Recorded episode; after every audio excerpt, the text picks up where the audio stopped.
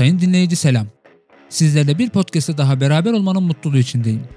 Gene bugün sizlere garip, değişik, ilginç, kafamı kurcalayan acayip bir konuyla geldim. Şimdi düz hesap deyince aklımıza genelde 10 ve katlarıyla haşır neşir olan sayılar gelir. E çünkü bu sayılarla hesap yapması kolay. Mesela bir sayıyı 10'la çarpmak matematik işlemi gibi bir şey değil de adeta terapi gibi. Ya da ne bileyim gittin bakkala bir şeyler aldın 19 lira tuttu ki 19 lira tutarsa katiyen 19 lira ödemezsin. Ödemezsin abi onu illaki 20'ye tamamlarsın. Sen tamamlamasında bakkal amca zaten tamamlar onu sakız eline sıkıştırıverir ruhun duymaz. Çünkü 10 ve 10'un katları kolaydır. Pratiktir. Büyük hesaplar gerektirmez bu sayılar. Yani bizden biridir 10 ve katları. Peki gün niye 20'ye 30'a ne bileyim 100'e değil de 24'e bölüyoruz? Veya neden bir saat 100 dakika değil de 60 dakika? Aynı şekilde dakikalar niye 60 saniye? 100 olsa daha kolay olmaz mıydı? Daha kolay hesap yapamaz mıydık? Bu antik Mısırlılar neden günü 24'e böldü de böyle zor hesaplar içine girdiler? Bizi de böyle zor hesaplar içine soktular. Yani bu konuyu merak ettim, araştırma ihtiyacı hissettim ve araştırdım. Siz de merak ediyorsanız gelin gün niye 24 saat konulu sohbetimize başlayalım.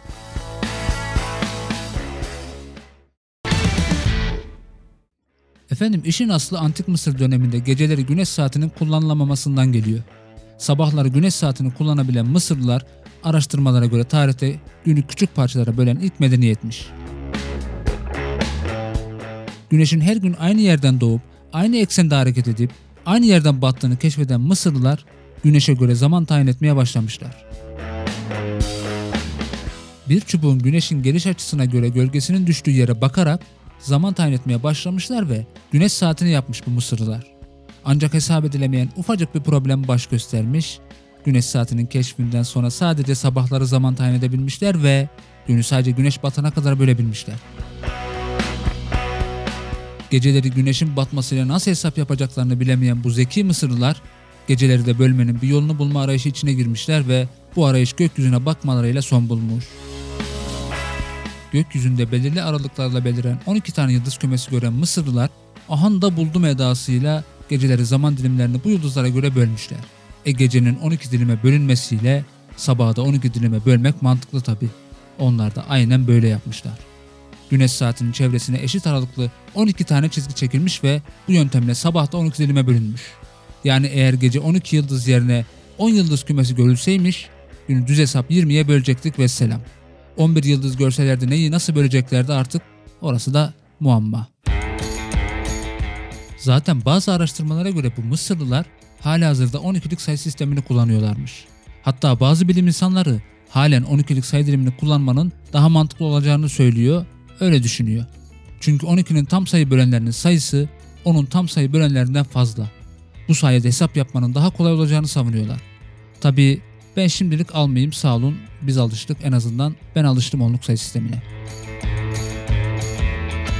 Gerçi şimdi düşündüm de ticarette bu 12'li sayı sistemi kullanılıyor olsa gerek ki mesela onluk koli yok ya da yok denecek kadar az. Hep 12'li su, 12'lik tuvalet kağıdı, ne bileyim 24'lü maden suyu falan var. Tamam bir yere kadar bugünü 24'e bölme işlemini anladığımızı umuyorum ki anladık. Şimdi gelelim bu dakika ve saniye olayına.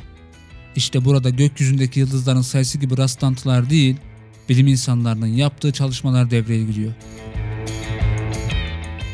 Yunanlı gökbilimci Eratosthenes, bu arada ismini düzgün söyleyebilmek için bayağı bir alıştırma yaptım. Devamında Hiparkus'un enlem ve boylam üzerine yaptıkları öncül çalışmalarla da günümüzün dakika ve alt birimlerine eriştik. Daha sonra Claudius Almagest adlı bir çalışma yapmış. Bu çalışmasında Hiparkus'un çalışmasını 360 derecelik enlem ve boylamın her birini daha küçük parçalara bölmüş. Her derece 60 parçaya bölünmüş. Bu 60 parçanın her biri yine 60 küçük parçaya bölünmüş. Yani 60'ın içindeki her parçayı yine 60'a bölmüş. Ve dakikalarla saniyeler ortaya çıkmış. Ancak bu dakika ve saniyeler 16. yüzyılın sonuna kadar pek önemsenmemiş ve kullanılmamış. E çünkü insanlar henüz saati daha doğru düzgün çözememiş ki. Bir de dakika ve saniye hesabına girselerdi hepten işin içinden çıkılmaz bir hal alırdı. Allah'tan 16. yüzyılın sonlarında mekanik saatler geliştirmeye başlanmış da insanlar şahsi olarak saat taşımaya tek tük başlamışlar ve dakika ve saniye hesabı da yapılmaya başlanmış. Hiparkus ve diğer Yunan astronomları bu dakika ve saniye hesaplamaları için daha önceleri Mezopotamya'da ikamet eden Babiller tarafından geliştirilen astronomik teknikleri kullanmışlar. Babilliler de bu bilgiyi Sümerlilerden almışlar. Yani gene geldik Sümerlere. Yani Sümerlerin altından çıkmadığı bir keşif yok. Nerede bir bilim var, nerede bir buluş var altından Sümerler çıkıyor vesselam. Pes doğrusu. Fakat en nihayetinde insanoğlu artık hiç olmadığı kadar hızlı ve dakik yaşıyor bu hayatı. Her şey zamanında başlasın, her şey zamanında olsun, her şey zamanında bitsin, zamanında yetişsin kaygısı, dakikaları, saniyeleri, hatta saliseleri ömürden yediğimizi bile bile sayıyoruz. Benim hep bir emeklilik hayalim vardır. Saatin kaç olduğundan haberim olmayacak. Kol saati taşımayacağım. Belli bir saatte uyuyup belli bir saatte de uyanmayacağım. Zaman kaygısı içinde asla olmayacağım. Böyle bir hayalim var.